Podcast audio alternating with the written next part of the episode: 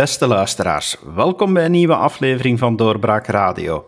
Het is weer tijd voor een politieke analyse, dus ik zit samen met onze politieke analisten Karel Drabbe en Karel de Vos uh, om u weer het, heet, uh, het nieuws heet van de naald te brengen, om te kijken wat er gebeurt of niet gebeurt. Want professor, ja, die indruk had ik deze week toch wel dat er mensen met vakantie zijn. Ofwel de politici, ofwel de wedstrijdjournalisten. Maar er lijkt weinig te gebeuren, vindt u ook niet? Ja, ik moet uh, die analyse helaas bijtreden. Tenminste, um, er lijkt weinig te gebeuren. Er wordt over zeer weinig, weinig gediscussieerd. Niet in het parlement, uh, of toch niet in de plenaire zichtbare delen, maar ook niet in de media. Um, omdat het nieuws, uh, dat is al een hele tijd zo, uh, helemaal overheerst wordt door corona. Het is zelfs groot nieuws als er geen nieuws is. Hè. Wijs naar de vorige, vorige zitting van het overlegcomité, waar eigenlijk uh, avondjournaals gevuld werden met een half uur lang het nieuws dat er geen beslissing genomen werd en er dus ook geen nieuws was. Dus corona overheerst alles, ook als er eigenlijk over corona niks nieuws te melden valt. En dat is zeer jammer, omdat er ondertussen heel veel cruciale dossiers onderbelicht blijven. En ofwel gebeurt er ter zake weinig tot niets, en dat is jammer. Ofwel gebeurt er toch een en ander en komt het te weinig naar de oppervlakte. En ook dat is jammer. Ik geef enkele voorbeelden. Uh, we staan voor een zeer, zeer belangrijke begrotingscontrole toen de begroting 2021 eind vorig jaar werd opgesteld, was die op het moment dat die werd gestemd al verouderd. Dat wisten we. We zeiden heel moeilijk om economische evoluties uh, in te schatten. Het zal de groei doen volgend jaar, het consumentenvertrouwen enzovoort. Uh, maar ondertussen weten we dat met nieuwe cijfers dat daar toch forse ingrepen zullen nodig zijn om die budgettaire ontsporing tegen te houden. Die begrotingscontrole, je hebt er eentje in het voorjaar, dat gebeurt ongeveer in de maand maart. Um, ja, dat leidt traditioneel tot uh, dagen of weken lang debat uh, voor die controle over waar moet wat gebeuren. Zijn er nieuwe uitgaven nodig of moet er gerationaliseerd worden? Heet besparingen? Uh, waar moet een eventueel verschuiving komen? En die discussie ja, die is nu volledig afwezig, alsof het, alsof het budgetair, alsof de begroting geen item meer is. We weten ook dat er bijvoorbeeld vorige week nog interessant nieuws was rond de kernuitstap. Daar wordt in het najaar wel de, de hoofdbeslissing over genomen, maar de eigenaar van de kern Centrale heeft eigenlijk gezegd van kijk, we gaan er gewoon vanuit dat die dicht gaan, alle vijf, en dat er dus een overstap gemaakt moet worden naar uh, alternatieve energie. Wel, er zijn heel veel uh, mensen die daar ongerust over zijn, of dat wel haalbaar is, maar waar is daar het grote debat over? Het is eventjes naar boven komen piepen dat de minister van Pensioenen aan een pensioenhervorming werkt. Hè. Ze had het idee, zeiden sommigen, om daar de mensen die in de tweede pijler sparen, hè, om daar die te laten meebetalen voor het pensioen in de eerste pijler. Dat, bleek, dat bleek vals nieuws te zijn. Maar toch, we weten ondertussen dat de minister van Pensioenen aan een grote oefening rond die pensioenen werkt. De welke en, en, en hoe verloopt dat precies? Er is een relanceplan, er is een akkoord in België tussen alle overheden gesloten om die Europese relancemiddelen te verdelen over de verschillende beleidsniveaus. Uh, dat is een hele zak geld, maar we weten ook, ja, het zal niet alleen maar een kwestie zijn van geld uitgeven, je zal ook tegelijkertijd alle, allerlei hervormingen moeten doorvoeren die en passant van die, uh, van die uitgaven uh, worden beslist.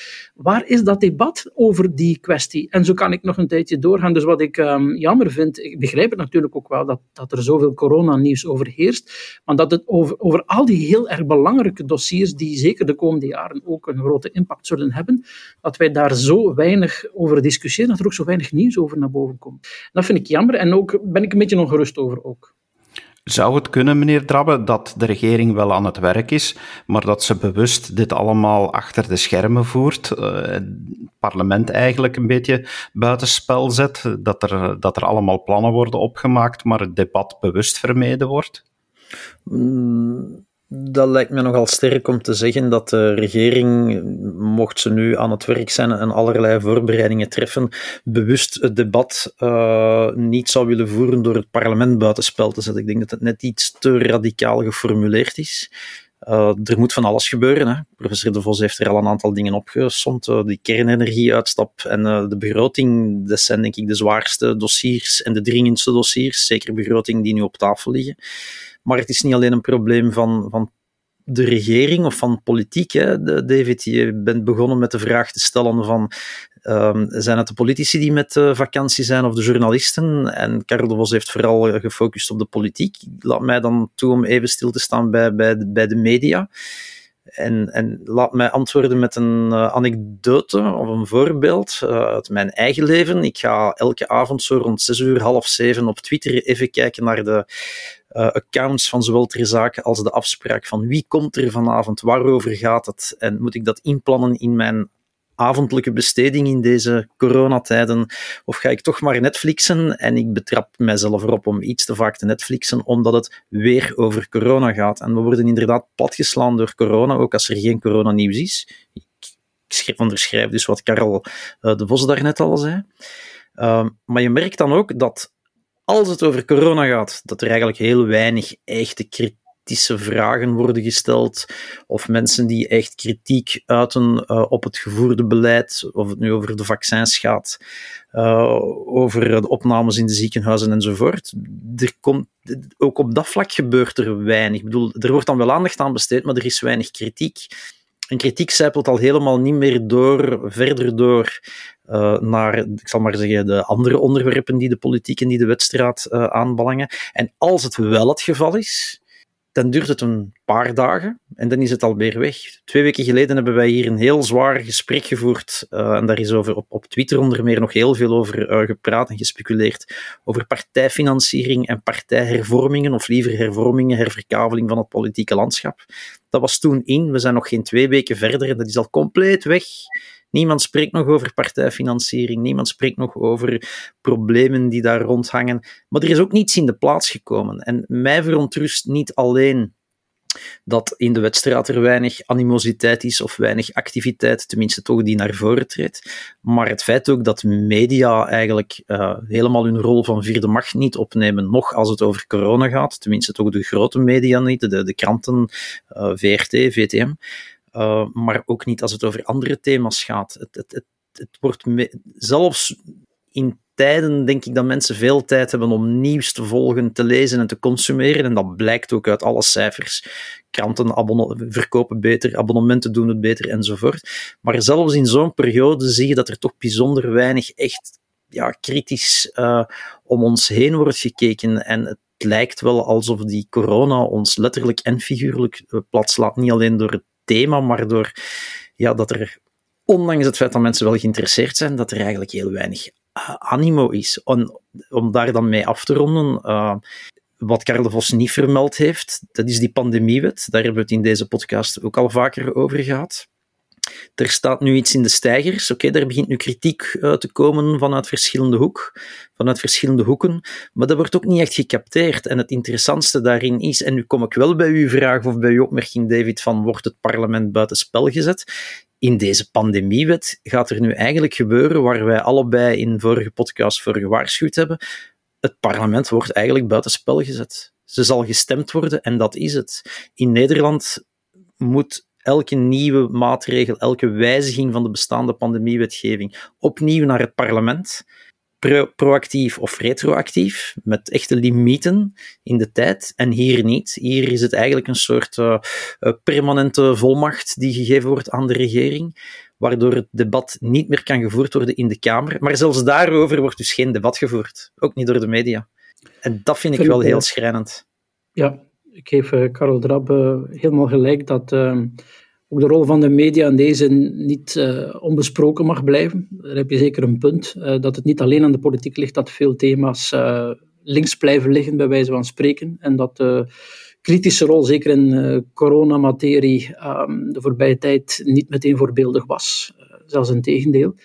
Uh, wat de pandemiewet betreft, um, op dit moment is het enige voordeel dat er aan het voorstel is, is dat dat voorstel er is. De regering heeft kaarten op tafel gelegd en dan vind ik dat um, men binnen de parlementen, dus de fracties, zowel van meerderheid als van de oppositie, daar dan maar eens een stevig standpunt moeten over innemen. Wat uh, Karel Drappe zegt is helemaal juist en is ook waar uh, ook grondwetspecialisten zeer onlangs nog mevrouw Populier van de UA voor gewaarschuwd heeft. Dat is namelijk, um, dit gaat toch niet in um, op de geest van de grondwet, waar um, toch voor dergelijke vrijheidsbeperkende maatregelen het parlement telkens opnieuw haar zeg kan doen. Hè. Het is een soort ja, het is, is, misschien nog minder straf dan een, uh, nog, min, nog minder um, sterk voor het parlement dan een volmacht. Hè. Het parlement kan in, kan een volmachtwetgeving nog echt um, keer per keer uh, beslissingen nemen, terwijl dit hier um, niet het geval is. Dus als de, de pandemiewet in deze versie wordt goedgekeurd, dan is denk ik veel uh, ongerustheid die er voordien over bestond, namelijk dat, het,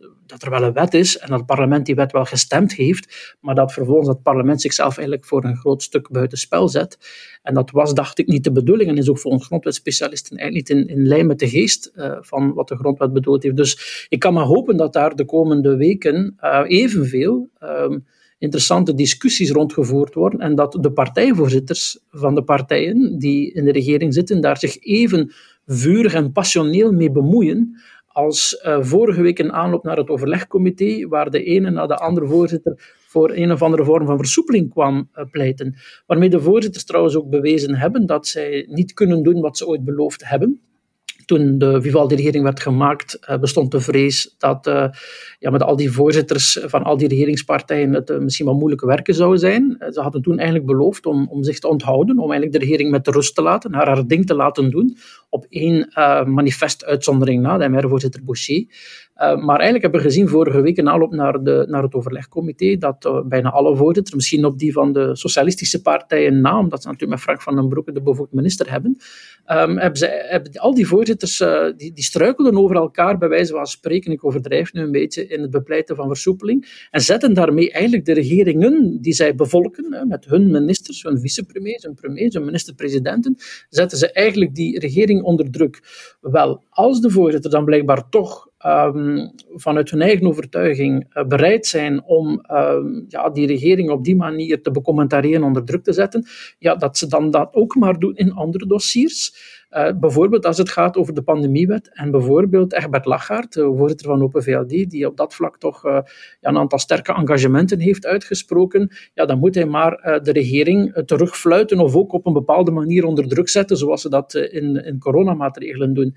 Dus dan hoop ik dat die voorzitter deze zaak even hartig en even passioneel opnemen als ze dat deden met de versoepelingen rond corona.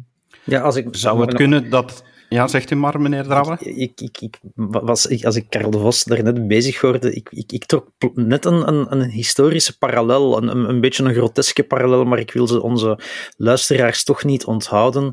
elke historische vergelijking loopt mank. Uh, dat heb ik in deze podcast ook al een paar keer gezegd. Maar we moeten natuurlijk opletten dat het parlement door het stemmen, door het blindelings uh, stemmen van de pandemiewet zoals die nu voor ligt, of wat ik daar toch al van gezien heb liever, um, zichzelf niet permanent ter zake uh, buiten spel zetten. Want dan krijg je wat, en nu komt de historische vergelijking, dames en heren, dan krijg je eigenlijk wat er uh, onder het Hitlerregime in Duitsland is gebeurd op 23 maart 1933. Dat is zo een van die data die, die, die ingeprint staan bij contemporanisten.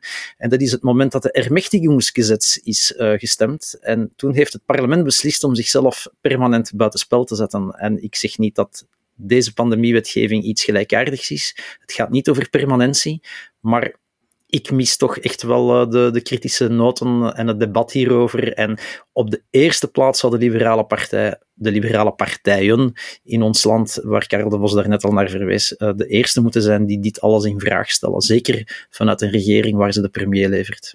Maar zou het kunnen dat het ontbreken van het debat erop wijst dat de partijen en ik laat dan nog in het midden of het regeringsleden zijn of de partijvoorzitters, maar dat ze schrik hebben van het debat, omdat dan heel duidelijk zou worden dat er grondige verschillen zitten tussen de zeven partijen van Vivaldi?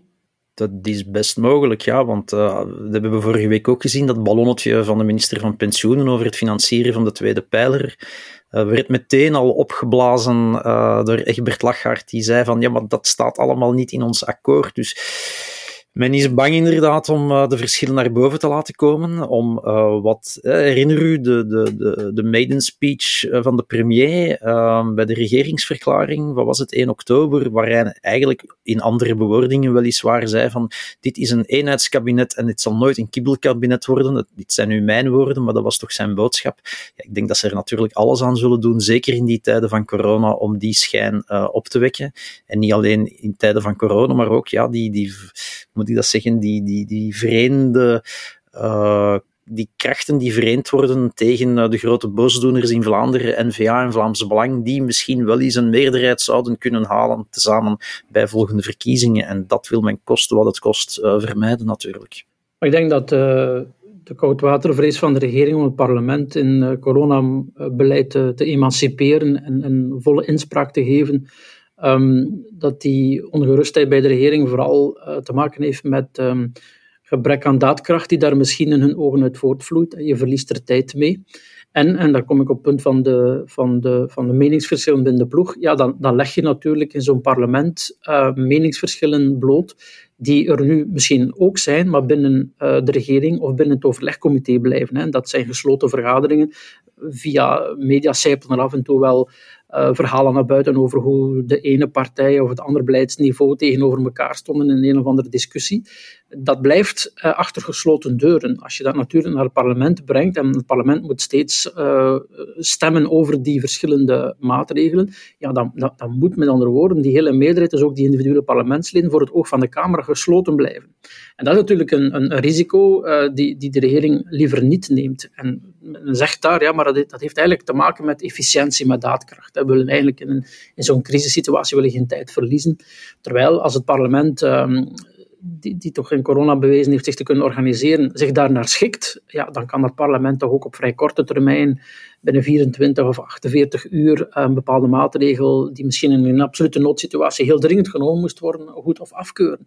Maar ik denk dat men schrik heeft om um, in naam van daadkracht vooral um, interne verschillen te laten zien, die dan uiteraard, omdat dat debat wel in de plenaire gevoerd wordt, in de media terechtkomen en uitvergroot worden en allerlei belangengroepen zich er dan mee gaan moeien, terwijl dat hele, hele debat nu eigenlijk achter gesloten deuren van een overlegcomité blijft. Dus vanuit dat oogpunt begrijp ik dat wel, maar dat dient natuurlijk um, het draagvlak en ook de, ja, de democratische legitimiteit van de genomen beslissingen niet.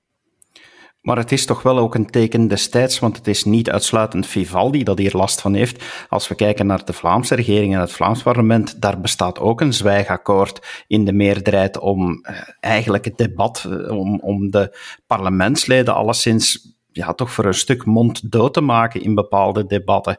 Dus is dit niet meer een gevolg van hoe politiek momenteel wordt gevoerd? Wel, het zwijgakkoord in het Vlaams parlement uh, bestaat al lang. Hè. Het is niet iets van deze legislatuur.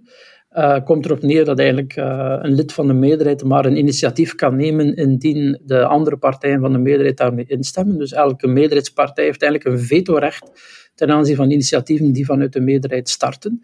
En dat is bijzonder, bijzonder verregaand. Je kan je inbeelden dat, uh, dat daar een zeker begrip voor is voor wat materies die helemaal in het regeerakkoord liggen betreft, hè, dat, dat men daar, maakt er een afspraak over en dan begrijp ik dat wel dat je dat, dat, je dat pact uitvoert. Maar dat tweeakkoord is uitgebreid naar alle thema's. Hè, dus je kan niks, ook niet wat uh, niet in het regeerakkoord duidelijk omschreven is, doen.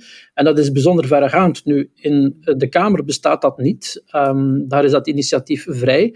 Maar is er natuurlijk een andere uh, controleinstantie. Uh, dat is daar waar de fractieleiders beslissen wat er geagendeerd wordt en welke, want elke in de, Kamer zijn er tientallen initiatieven die genomen worden en slechts een beperkt aantal die kunnen eigenlijk de volledige parlementaire rit uh, doormaken. Wel, die filter die daar zit, die zit ook uh, in, dat, in dat federaal parlement.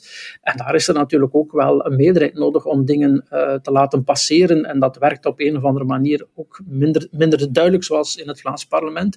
Werkt dat ook op een of andere manier wel op het federaal niveau. Maar dat zijn bijzondere, dat zijn bijzonder pijnlijke vaststellingen en dat zijn gewoon uitingen van onze, van onze partij particratie. Hè, de particratie die ervoor zorgt dat op het moment dat er een regering is en een meerderheid gevormd wordt, dat dan het initiatiefrecht binnen de volksvertegenwoordiging, en volgens de Belgische grondwet, is, uh, ja, behoort alle macht aan de natie toe. Dat staat letterlijk in, in, in onze grondwet. Dus wij, uh, demos kratijn, wij, het volk, hebben de kracht van het bestuur. Hè. Um, maar um, staat ook in de grondwet dat gebeurt via verkiezingen en, en, en die verkiezingen leiden tot volksvertegenwoordigers. Dus, dus, dus, dat volk, die natie, zit eigenlijk in dat parlement. Het heet ook niet toevallig Paleis van de Natie. Dat vertel ik ook altijd aan mijn studenten in eerste bachelor. Als ze op bezoek gaan naar uh, ons Nationaal Park in Brussel, dat ze in het midden moeten gaan staan en dan zien ze aan de ene kant het Paleis van de Koning, aan de andere kant ons paleis, het Paleis van het Volk. Het Paleis der Natie wordt het genoemd. Het is ons paleis. Daar zitten wij. Het volk kijkt naar het staatshoofd en het staatshoofd kijkt naar het volk. Um, dus, um, dat, dat, is wat Leopold dat is wat Leopold het dat is wat Leopold II La Baraque noemde. Maar doe gerust verder. Ja, ik, ik, probeer zo iets verhevener te onderwijzen wat dat betreft. Um, maar dus, dus, de, alle macht in de natie, van de natie die via volksvertegenwoordiging in het parlement terechtkomt. En dus daar zou dat parlement, dat is, dat is, dat is de eerste kracht in een democratisch systeem. Maar dat wordt dus via onder andere zo'n zwijgakkoord onder controle genomen door de particratie in naam van opnieuw daadkracht, stabiliteit, beheersbaarheid van het systeem. Als je het allemaal loslaat, dan krijg je, krijg je chaos. En dus in naam van, van, van, van, de, ja, van draadkracht en goed bestuur moet dat ingeperkt worden. En dat zie je ook bijvoorbeeld als het gaat over de pandemiewet. Dat is iets wat heel vaak wordt toegepast. Zo is de cirkel eigenlijk rond met de vorige podcast, want we hebben het al uitgebreid gehad over particratie, politieke vernieuwing. Dat zijn de punten waar, waar toch eigenlijk debat zou moeten over ontstaan en die, die ontbreekt. Maar zoals uh, meneer Trabbe ook zegt, er is ook de plicht van de media als vierde macht om het debat open te trekken en uh, dingen te bekijken. Dus uh, ja, dat, dat ligt ook voor een stuk bij ons dan met deze podcast om dat te kunnen blijven doen. vandaar dat het aantal luisteraars van week tot week stijgt, neem ik aan, eh, omdat wij dat wel proberen. Als we dan even verder kijken naar het nieuws dat er deze week was, want dan zie je natuurlijk dat non-nieuws nieuws wordt, ja, dan zie je dat er eh, toch heel wat commentaren gekomen zijn op een initiatief van de VRT, met name om een docureeks te maken over Bart de Wever. Uh, vinden jullie dat, uh, dat de VRT iets gepast heeft gedaan of iets ongepast heeft gedaan door een docureeks te maken zonder woord, wederwoord uh, van andere politici? Het is niet de eerste keer dat dat gebeurt. Hè. Na een dikke tien jaar geleden, uh, je zou het juiste jaartal eens moeten opzoeken, is er iets gelijkaardigs gemaakt over uh, Guy. Um, waar ook niet echt woord en wederwoord aan bod kwamen. Um, de vraag is alleen, is zoiets van deze tijd en is dat, uh, behoort dat tot de opdrachten, laat staan het kerntakenpakket, om dat woord dan maar te gebruiken van uh, de VRT. Ehm, ik heb de reeks bekeken, ik vond die leuk, ik heb weinig nieuws geleerd. Uh, we hebben de Bart Wever leren kennen, we hebben hem eigenlijk leren kennen zoals we eigenlijk al wisten wie hij was. dus een aantal zaken zijn wel bevestigd. Um, hoogstens zou je kunnen zeggen, kijk, als de VRT zoiets doet, dan zou dat best passen in een reeks waarin alle partijvoorzitters aan bod komen.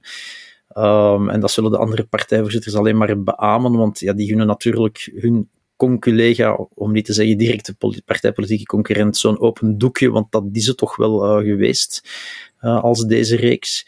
Kijk, ik heb er op zich geen enkel probleem mee dat er zo'n reeks bestaat, uh, maar dan hoop ik toch tenminste als kijker, die dan ook de politiek wat volgt, dat ik iets bijleer, dat ik iets meekrijg dat ik nog niet wist. Um, de interessantste stukken van de reeks. Ik heb ondertussen trouwens ook het boek gelezen dat bij de reeks hoort.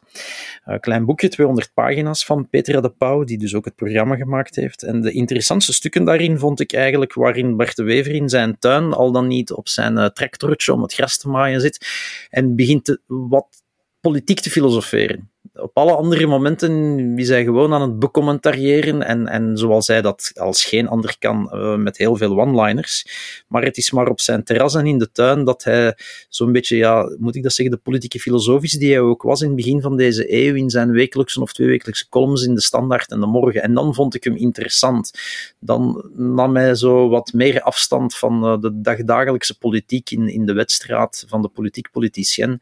En dan zie je dat dat een man is die wel heel wat in zijn mars heeft en verschillende registers uh, kan uh, betokkelen. Um, maar god ja, in zo'n hij is een jaar lang gevolgd en dan komen daar drie afleveringen van, wat is het, 45 minuten of 50 minuten uit dat is weinig natuurlijk. Hè. Uh, echt een portret kun je daar niet mee maken. Iets nieuws kun je er niet insteken. Of had misschien niet mogen uitgezonden worden. Uh, dat kan ook zijn. Uh, ik heb weinig bijgeleerd. Ehm, maar het was ook al de fuzz en buzz naar aanleiding van de eerste aflevering in de media niet waard om ja, de programmamakers en de geprogrammeerden, in dit geval Bart Wever, zo aan, aan het kruis te nagelen, denk ik. Men, men is daar in een kramp geschoten van ja, het is weer de Wever en weer de NVA. Ehm, maar God, ik stel mij dan de vraag, mocht het echt Bert Lachart geweest zijn of uh, Georges-Louis Boucher, of dat dan dezelfde commotie zou geweest zijn. En ik denk het niet, eerlijk gezegd. Ik kan uh, moeilijk Bart de Wever kwalijk nemen dat hij ja zegt op zo'n uitnodiging. Ik denk dat ongeveer elke partijvoorzitter dat zou doen. Wie krijgt nu drie weken lang, uh, ik weet niet wanneer het precies zat, maar ik denk dat het ongeveer een primetime op één uh, was, zo'n forum. Dus ik kan dat de man moeilijk kwalijk nemen. Ik kan het hem ook moeilijk kwalijk nemen dat hij handig gebruik gemaakt heeft van, dat, van dat forum. Hij is zeer goed bewust, heeft, is vroeger al verschenen in soortgelijke programma's zeer, zeer goed bewust van wat daarmee te doen valt en hij heeft dat ook gebruikt. Dat, dat, dat is uh, voor hem functioneel geweest en ook, ook daar geen kritiek op. Um, ik vond de nieuwswaarde uitermate beperkt, maar goed, bedenk me dan dat wij uh, specialisten um, dat wij die daar de hele dag mee bezig zijn, misschien veel dingen al weten die voor een ruimer publiek uh, wat minder gekend is. En dan begrijp ik het wel dat je zegt, van, dat zit voor jullie geen nieuws in, maar voor veel andere mensen wel. Ik kan het moeilijk beoordelen, maar zelf had ik daar um, niet zoveel aan. Er is een moment, um, um, een bijzonder moment dat ik me herinner, dat is toen, ik weet niet of het een aflevering 2 of 3 was, hij aan... Uh, aan zijn partijtop verslag brengt over de ontmoeting die er geweest is eh, de dag voordien met Egbert Lachaert en Alexander de Croo. Uh, en waar hij dus zegt wat hij ook na de vorming van de Vivaldi-regering toen zei, namelijk ja, ze, ze, ze hebben zich toe verbonden om, um, om niet zonder N-VA in een regering te stappen en Alexander de Croo wordt geen eerste minister. Dat zei hij in de uitzending, de opnames waren toen, op het moment dat dat gesprek vandaag nadien uh, gebeurd is. Dat zei hij toen op dat moment. Um, en dat kon hij toen niet weten natuurlijk, uh, wat er uh, uiteindelijk zou gebeuren. Maar hij zei een paar keer ook, ja, Vivaldi komt er niet. Wel, hij heeft zich vergist. Hè, Vivaldi is er wel gekomen. Dus hij kon toen hij dat zei niet weten dat er een Vivaldi-regering zou komen. Laat staan dat er een debat zou ontstaan tussen Open VLD en NVA over heeft dat gesprek nu al dan niet plaatsgevonden. Wel, het feit dat hij dat dus in de uitzending toen zei aan, aan die partijtop, zonder te weten wat er later zou volgen, ja, dat vond ik interessant. Hè, want daar heb je eigenlijk een, een tijdsdocument, bij wijze van spreken, die in dat debat wel heel interessant is. En ik denk dat de meeste mensen het zich niet meer interesseert, maar zoals, uh, voor freaks zoals ik zelf is dat wel niet onbelangrijk. Waar, ik um, persoonlijk moeite mee had, was de, de onmiskenbaar hagiografische uh, lijn die erop lag. Uh, en daar bedoel, bedoel ik mee, um, als je op dat moment Bart Wever de top van Antwerpen ziet betreden met het zonlicht in zijn nek of weet ik veel waar en een gouden kruis en hij tuurt in de verte en overschouwt zijn stad als was het een Romeinse keizer. Alleen dat, die hele omkadering, die, die, die, die geografische omkadering die, die daar rondhangt, ja, dat associeer ik niet met de taak van een publieke omroep, die een van de vele, weliswaar misschien de meest spraakmakende of, of betekenisvolle van het afgelopen decennium. Maar toch, dat verwacht ik niet van uh, ernstige uh, beroepsjournalistiek. En dan kan het gemaakt zijn door zeer, zeer vakbekwame mensen. Maar goed, je brengt het wel op jouw antenne, op één. En dan ben je daar als VRT ook verantwoordelijk voor. En dan vond ik op een bepaald moment, dat dacht ik van, jeetje, wat, wat is dat voor een, wat voor een verafgodende beelden zijn dat hier eigenlijk. Um, en, en ja, dat, dat illustreerde wel die hele, die hele reeks, vond ik. Um, en dan vond ik, daarom vond ik het ongepast. En als je zoiets doet, dan vind ik dat, dat je dat dan ook maar moet doen uh, met andere partijenvoorzitters. Je moet, daar, je moet daar een faire positie in nemen. En ik, ik, kan, ik kan me niet van de indruk doen dat, stel je voor dat men zoiets met... Uh, uh, met de P van de A-voorzitter zou doen, of met Con Rousseau, of met Herbert Lachhart, dan denk ik dat men bij NVA zou zeggen, zijn jullie helemaal gek geworden? Hè? Ik denk dat men bij NVA, in de raad van bestuur van de VRT, zou zeggen, drie weken aan een stuk, 45 minuten airplay voor Herbert Lachhart, die, die rondjes loopt en die op zijn partijbureau fulmineert tegen NVA. Dit is niet, dat heeft niks met kritische journalistiek te maken. Dus het gaat niet zozeer over NVA. Ik denk dat er hier, um, dat er hier een fout gemaakt is, uh, dat dat niet had getoond mogen worden. En men moet daar eens goed over nadenken om dat in de toekomst anders te doen je hebt daarnet iets uitgelicht dat je zegt van dat is mij bijgebleven. Ik wil er ook eentje uitlichten dat mij is bijgebleven. En dan kunnen we misschien naar een volgend onderwerp, uh, David. Um, hij zegt op een bepaald moment, hij bedoelt Bart de Wever, dat hij niet de intentie heeft om memoires te schrijven en dat hij ook geen dagboeken of schriftjes bijhoudt over zijn dagelijkse belevenissen en, en, en ervaringen, wat ik alleen maar kan betreuren als historicus en als uitgever. Maar in die zin wil ik inkaarten op wat dat uh, Karel de Vos daarnet zei, want je noemde het een tijdsdocument. Dat is het ook natuurlijk. Maar ze hebben hem een jaar lang quasi 24-7 gevolgd. Dus ik ben vooral benieuwd naar al de rest van de footage. Dus niet naar die drie keer 50 minuten. En ik kan alleen maar hopen dat de programmamakers uh, hun bandjes, hun cassettes of welke dragers dan ook zullen uh, deponeren op het archief- en documentatiecentrum voor het Vlaams nationalisme. Want wij historici gaan daar later nog dankbaar gebruik van kunnen maken. Ja, ik kan het eens vragen of ze het archief willen steken. Hè.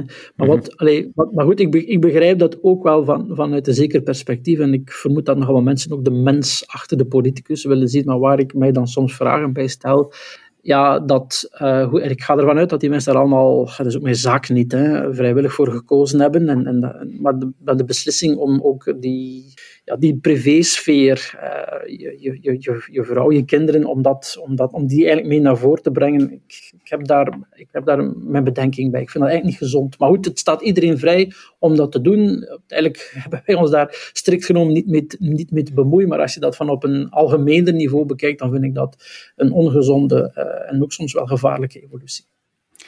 Laat ons ons bemoeien met iets wat misschien nog wel interessant is qua politieke analyse. Het woord viel al, politieke vernieuwing. Er komt een naamsverandering aan voor de SPA. Is dat politieke vernieuwing volgens jullie of is dat gewoon een cosmetische ingreep? Uh, twee. Het is een cosmetische ingreep. Ik weet wel dat Conor Rousseau, maar daar kan Karel de Vos als kenner van de SPA veel meer over zeggen dan ik. Ik weet dat Conor Rousseau echt wel de ambitie heeft om die partij door elkaar te schudden en te vernieuwen enzovoort. Maar of dat een partijnaam of de naam van een nieuwe beweging, als het dan dat toch moet worden, uh, daar veel aan zal veranderen, dat weet ik niet. Um, het is de politiek, het is het de, de, deelname aan regering, het zijn programma, partijprogramma's en verkiezingen die een politieke partij maken, kleur en geur geven. En zeker niet de naam, ook al is het dan een uh, heroïsche naam uit een uh, roemrijk verleden, uit het eind van de 19e eeuw, de coöperatieve, de vooruit, waar het Vlaamse socialisme nog voor het Belgische socialisme trouwens uh, uit is ontstaan. Um, ik denk, nee, dit is een cosmetische de naamgeving als dusdanig, David, is volgens mij een puur cosmetische ingreep. Maar Karel de Vos zal nu uh, ons toelichten wat er allemaal nog uh, mee te maken heeft, ongetwijfeld.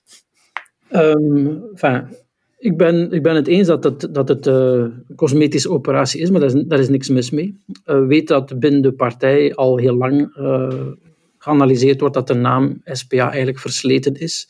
En vooral geassocieerd wordt met verlies. De laatste keer dat de partij verkiezingen, overwonnen, eh, verkiezingen gewonnen heeft, tenminste, dat is, in, dat is in 2003. Sindsdien gaat dat globaal naar beneden. En dus er was, er was al een hele tijd het idee, die naam is versleten en moet eens vervangen worden. Men heeft dat nooit eerder gedaan, omdat, uh, omdat, het, um, omdat er te weinig inhoudelijke en andere vernieuwing onder zat om er meer van te maken dan alleen maar die cosmetische operatie. Is het nu meer dan zo'n cosmetische operatie? Uh, ja, als je kijkt naar de back-office van de partij, maar dat zien natuurlijk heel veel mensen niet. Er is achter de schermen van die SPA veel gebeurd. Uh, heeft um, ja, van de blijvende problemen van de partij en een heel duidelijk mandaat ook gebruik gemaakt om dingen te herorganiseren. Uh, de communicatiedienst is veranderd, de, de, macht van de provinciale besturen is uh, fel ingeperkt. Er is geïnvesteerd in studiedienst. Ehm, de SPA sluit weer aan bij de traditie van de Partie Socialisten. Het feit dat ze ook samen een gebouw zullen zitten straks, heeft daar misschien mee te maken.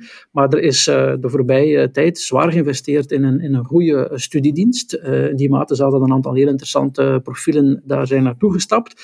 En het is de ambitie van Con Rousseau om eigenlijk um, ja, in Vlaanderen een soort PS-universiteit te hebben zoals de PS erin heeft. Um, en dus dat, dat zijn dingen die achter de schermen niet zonder belang zijn, zelfs zeer in tegendeel. Nu, als je kijkt naar, maar daar merken de meeste mensen natuurlijk weinig tot niets van. Als je kijkt naar wat voor de schermen gebeurt, dan, dan, alleen dan treedt Karel bij. Er, er, moet daar wel nog een en ander gebeuren. Uh, hoe moet je die partijvernieuwing dan effectief ook uh, voor het scherm in de markt zetten? Dat heeft te maken met de personen die je inzet en de thema's waarop je hen laat spelen. Gondorso heeft zelf al een paar thema's aangesneden op een bepaalde manier die, die uh, niet in de lijn van het traditionele leven van SPA, denk aan dat debat rond het recht op hebben van kinderen enzovoort, waar, waar een stukje voortwerkt op het, uh, op het elan dat John Crombie had ingezet. John die trouwens met Ctrl-Alt-Delete wel wat vernieuwing heeft ingezet, maar, maar dat heeft nooit echt gerendeerd. Maar waar het voor de partij zal op aankomen, is om te tonen aan de mensen die niet met die, met die achterkant van het politieke bedrijf vertrouwd zijn, dat aan de voorkant er nieuwe mensen zijn. Ze zijn er wel, die nieuwe jonge mensen, maar ze, ze komen eigenlijk nog niet echt voldoende naar boven. En vooral op nieuwe thema's of bestaande thema's op een nieuwe manier, een frisse manier, bepaalde posities innemen. Als je dat kunt doen, dan zal in 2024, op het moment dat uh, die naam vooruit ook op de kiesbrieven staat, dat ook geassocieerd wordt met een, met een nieuw, fris verhaal.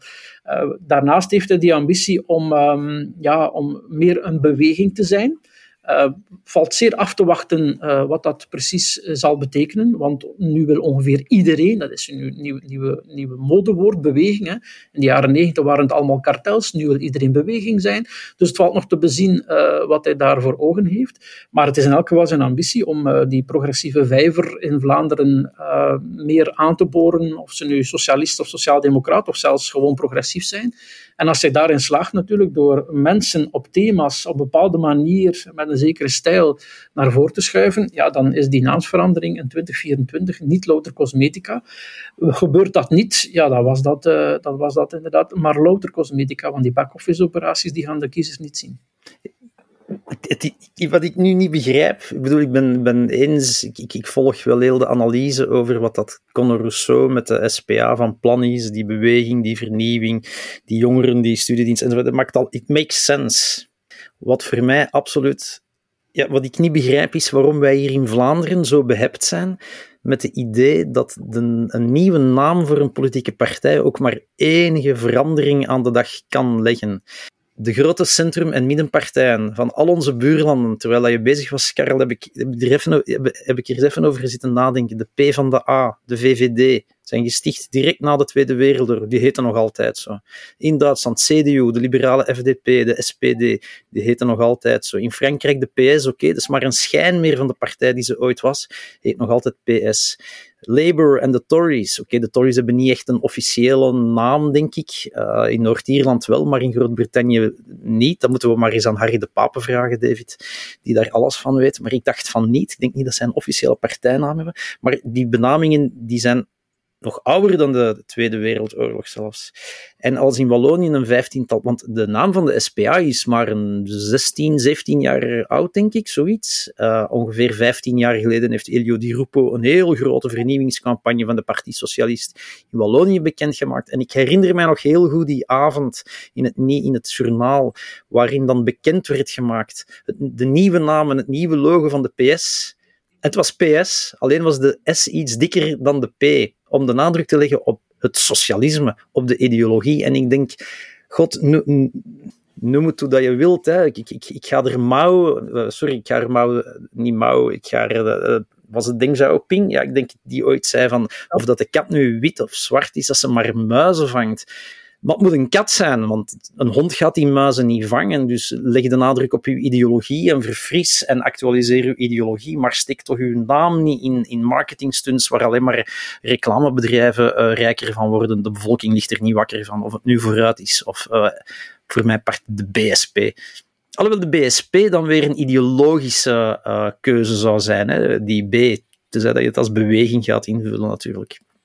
Dus ik vind het iets heel vreemd en heel Vlaams. Ik heb er nooit eerder bij stilgestaan of over nagedacht. Maar terwijl ik Karel de Vos daar net bezig hoorde, dacht ik van, ja, maar wacht eens even.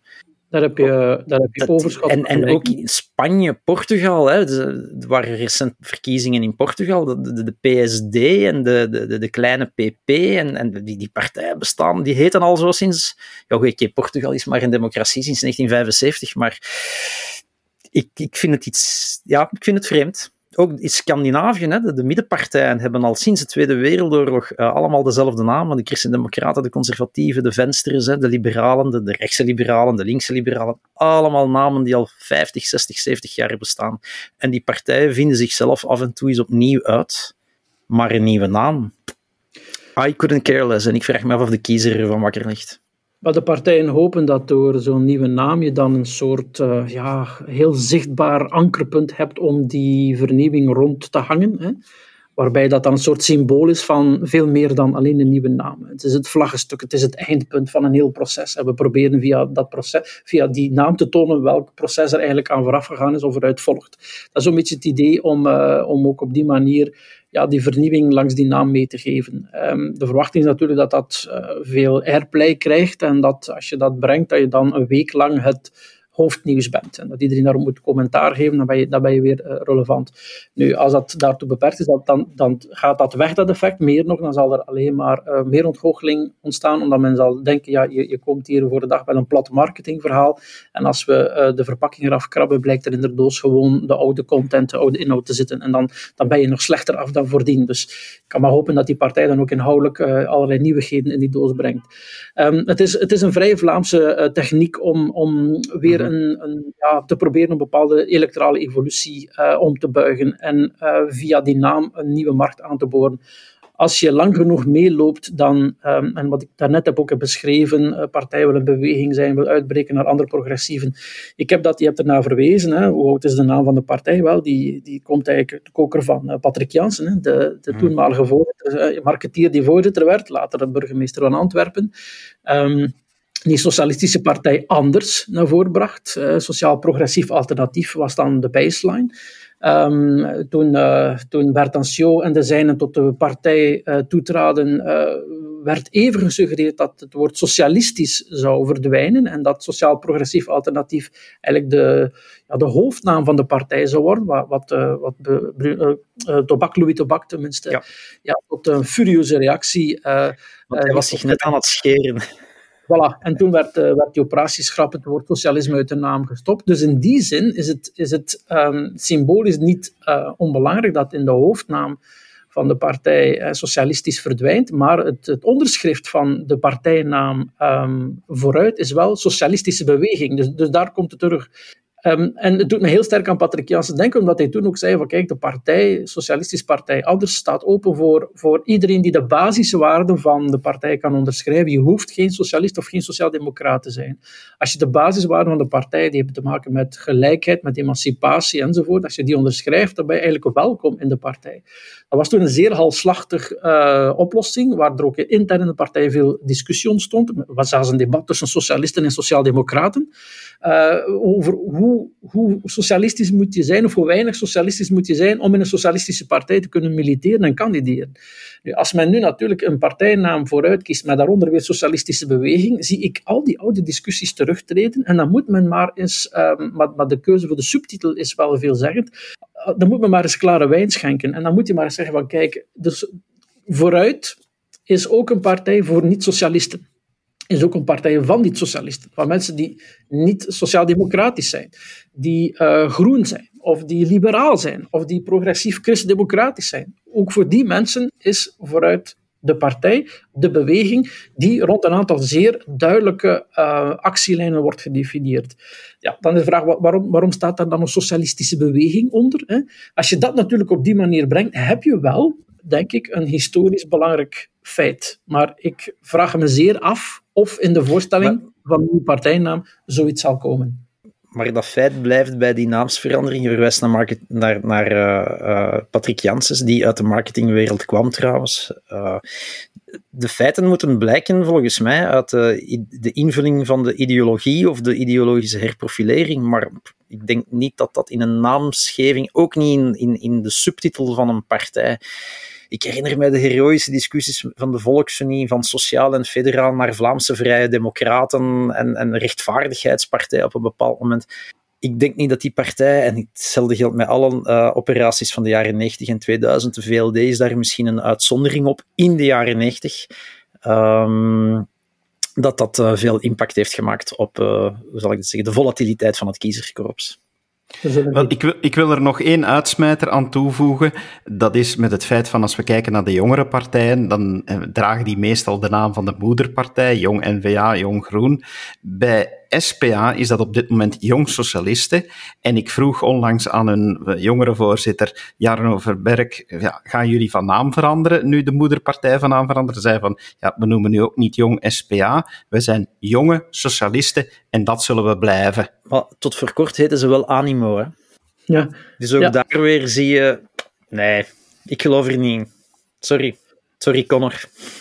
Wel, ik, ik, uh, ik wacht af. Um, ik wil wel eens zien of het deze keer anders is. Maar um, ehm, 25 jaar ervaring in de wedstrijd met allerlei vormen van partijvernieuwing maakt een mens uh, daar weinig verwachtingsvol van, eerlijk gezegd. Maar voordeel van de twijfel, we zullen zien wat er van komt. We zullen inderdaad zien.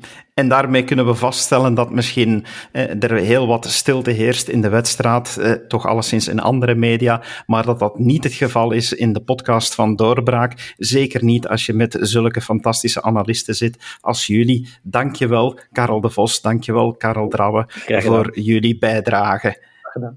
En u, beste luisteraar, u ziet dat er meer dan reden genoeg is om te blijven luisteren naar de podcast van Doorbraak. Wij gaan altijd op zoek naar wat wel eh, de moeite waard is om te bespreken en verder te analyseren. Dus blijf zeker afstemmen. Iedere week hebben we een politieke analyse, maar ook op andere dagen belichten we heel interessante maatschappelijke onderwerpen. Dus als u nog niet geabonneerd bent op onze podcast, ga dan naar de app op uw smartphone en abonneer u zeker op onze podcast. Graag tot de volgende keer. Dag.